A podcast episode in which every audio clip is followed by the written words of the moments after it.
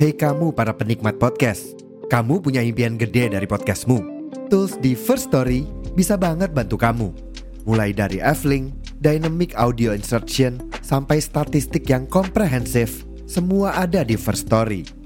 Gak ketinggalan, kamu bisa monetisasi podcastmu lewat iklan dari First Story Ads yang bisa kasih kamu penghasilan dari setiap place podcastmu. Yuk gabung sekarang dengan klik di firststory.me. Sekali lagi, di firststory.me. Mari kita bawa mimpi podcastingmu menjadi kenyataan.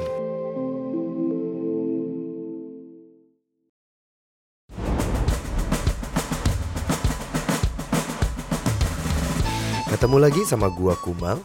Eh, sama gua Kumal, sama gua Kucai di Kumal. Makanya Cai, rajin-rajin take podcast lah, rekaman lah. Jadinya salah. Baru opening udah salah.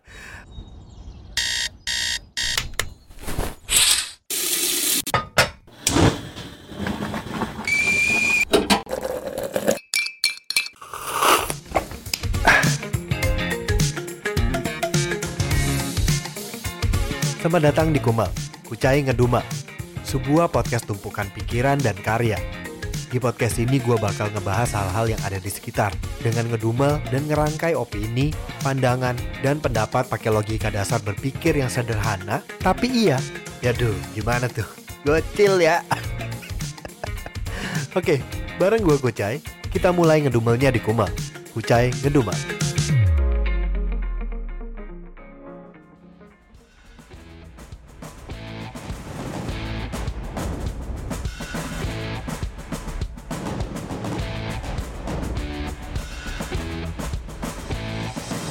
Jadi eh, episode kali ini adalah sebuah bagian dari sesuatu lagi nih. Jadi setelah akhir tahun 2022 kemarin, Kumel itu ikut dalam tantangannya The Podcasters Indonesia yang namanya 30 hari bersuara.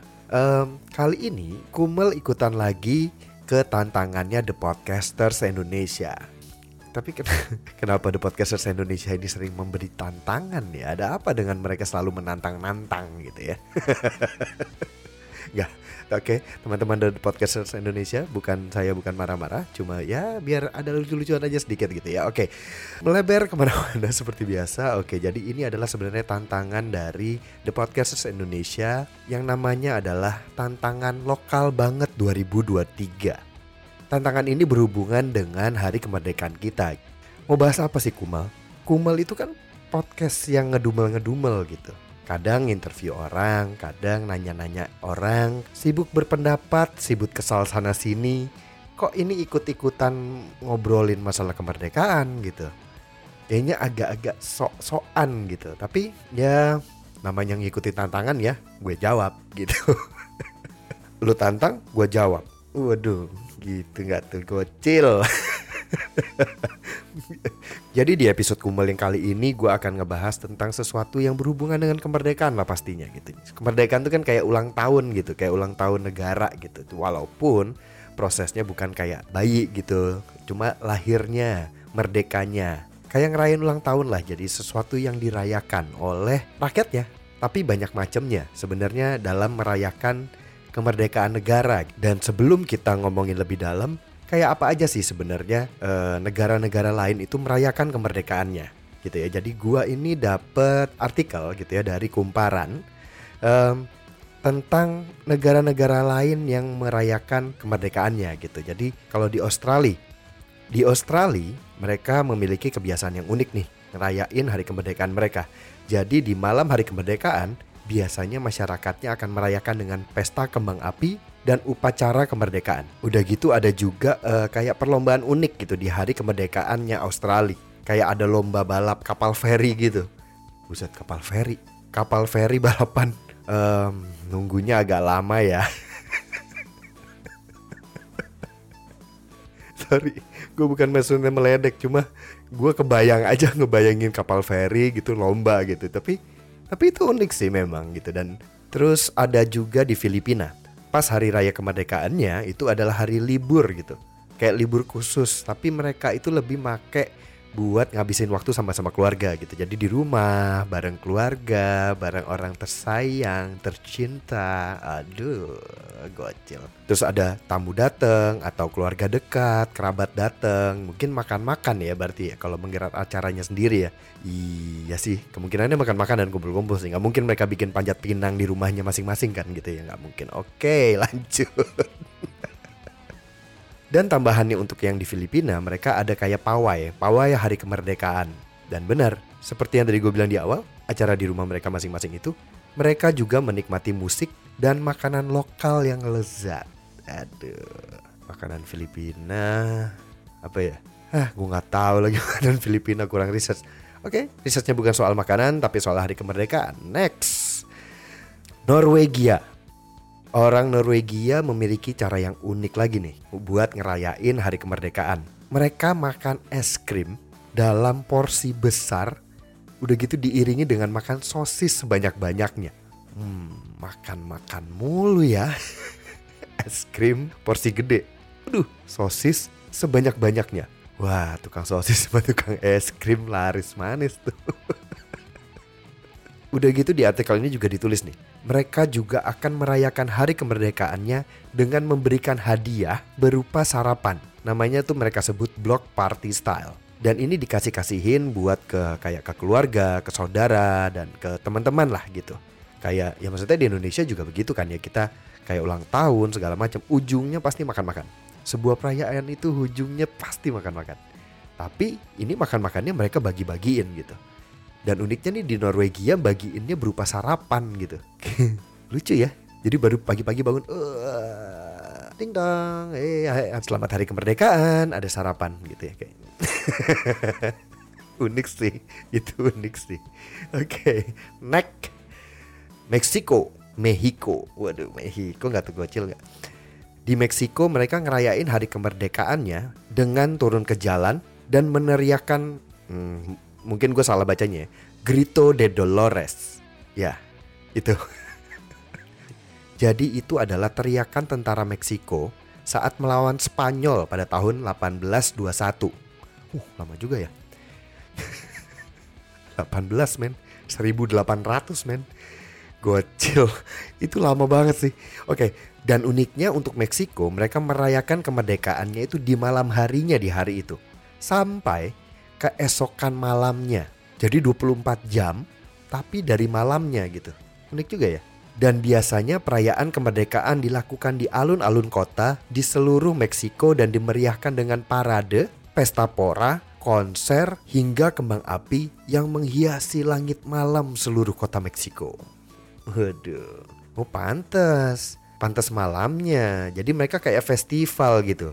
Uh, acara kayak gitu tuh pasti Mariah Carey, Aduh, Mariah Carey nggak tuh? Buat yang pam-pam aja ya. Oke, okay, naik India. Merayakan kemerdekaan itu dimulai dengan upacara. Udah gitu mereka mengadakan acara penerbangan layang-layang.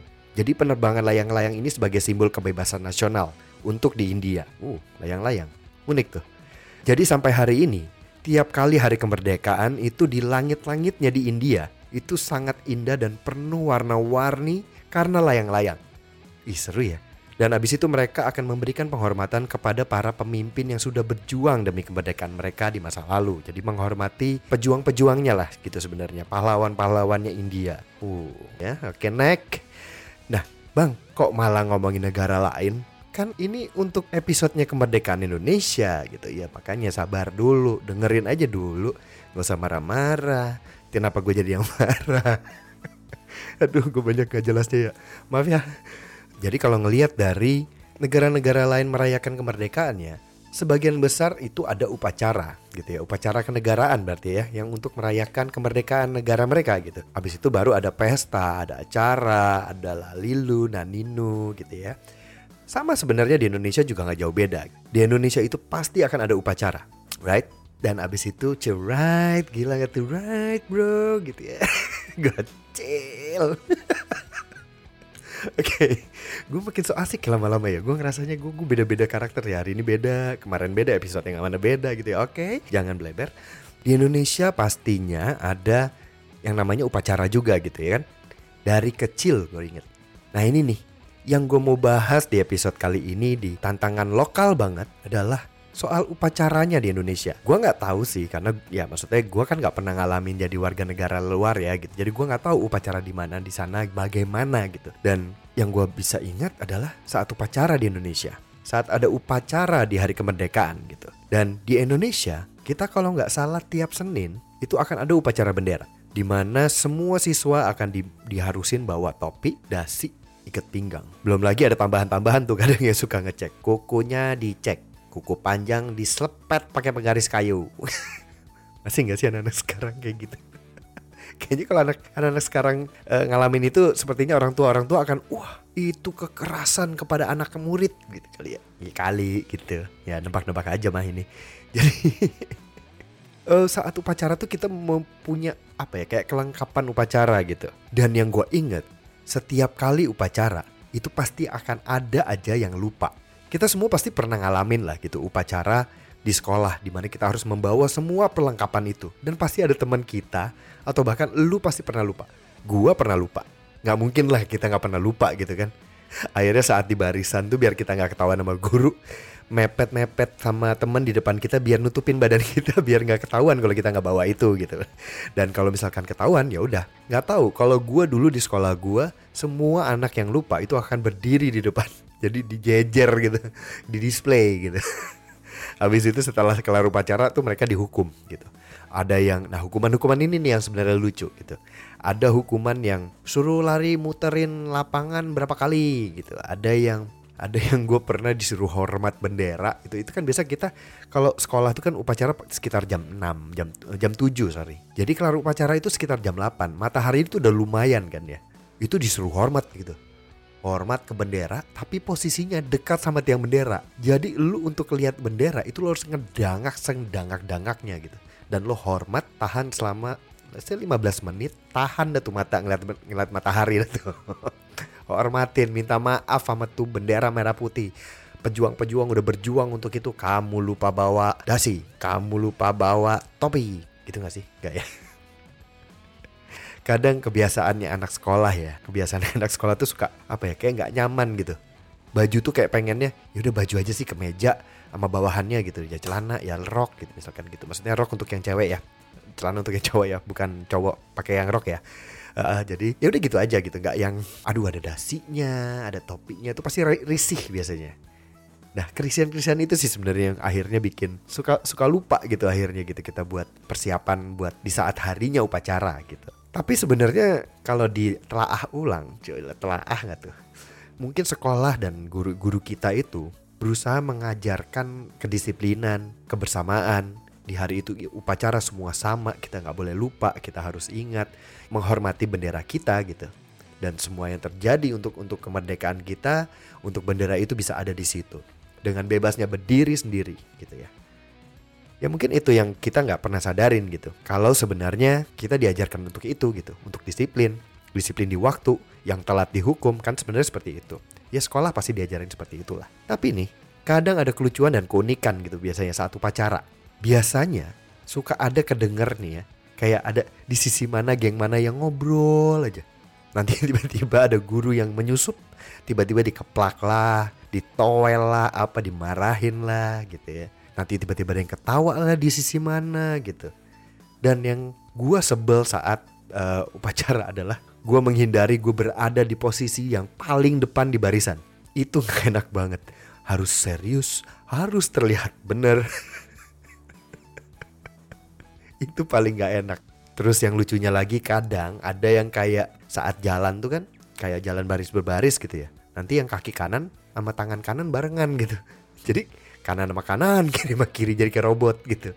Nah itu tuh yang biasanya uh, agak sulit sebenarnya buat uh, peserta upacara ya karena harus menahan ketawa gitu.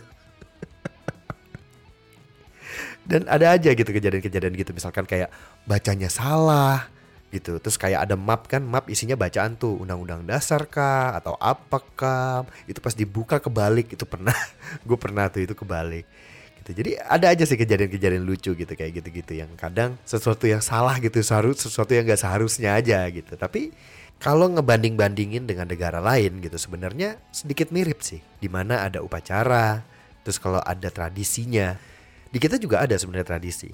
Tradisi uh, lomba 17-an. Dari yang core ya. core gak tuh? Gocil ya. Gocil pakai kata core ya. Jadi yang utama gitu biasanya. Lompat karung, makan kerupuk, panjat pinang. Itu kayaknya tiga yang utama tuh biasanya.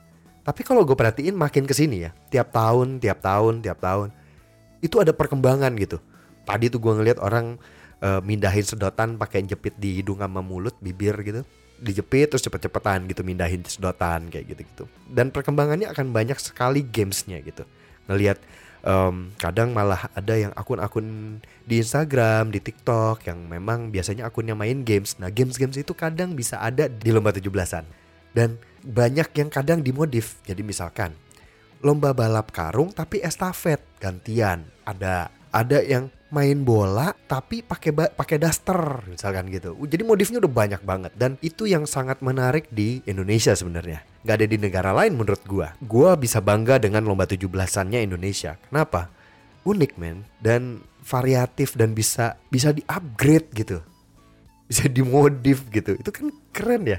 Di mana di situ bakal terjadi hal-hal yang lucu dan segala macam. Maksudnya uh, jadi merayakannya tuh dengan ya lo mindahin mindahin kelereng berusaha mengkaitkan ada kaitan di kepala lo ke lubang gitu ke kaitan gitu atau mindahin tadi sedotan yang lo jepit di hidung dan bibir itu masa iya nggak lucu? Masa iya nggak ketawa? Masa iya nggak menyenangkan? Ya pasti menyenangkan lah. Dan melihat games-games itu dan segala macam panjat pinang ada jatuh gagal dan akhirnya berhasil dan bersenang itu semua senang kok gitu. Dan itu menyenangkan gitu. Dan dan menurut gue itu yang sangat menarik, itu yang sangat unik dan gue bangga dengan tradisi Indonesia dalam merayakan hari kemerdekaannya gitu. Ya itu ya itu tadi, lomba 17-annya gitu. Dan kalau misalkan dilihat lagi sebenarnya beberapa lomba itu itu mencerminkan apa ya? identitasnya bangsa kita juga gitu. Misalkan kayak panjat pinang gitu ya. Semangat gotong royong kan sebenarnya kan gotong royong gitu, saling bantu gitu. Kebersamaan sama sama kayak yang estafet segala macam pokoknya kerja sama tim gitu di mana Indonesia juga dulu uh, saat berperang ya semua harus bersatu gitu untuk melawan penjajah ya tapi maksudnya itu mencerminkan kita gitu dan dan itu sesuatu yang menyenangkan dan itu adalah budaya. Jadi menurut gue ya gue pengen sih main games games begitu Ya, itulah jadi segitu aja kira-kira sedikit. Jadi perayaan kemerdekaan sebuah negara atau negara Indonesia lebih tepatnya gitu. Itu bukan cuma sekedar seremoni formal gitu. Upacara itu bukan sekedar cuma seremoni formal aja gitu. Di balik seragam, di balik perlengkapan itu ada rasa bangga. Ada semangat persatuan, ada kedisiplinan di situ.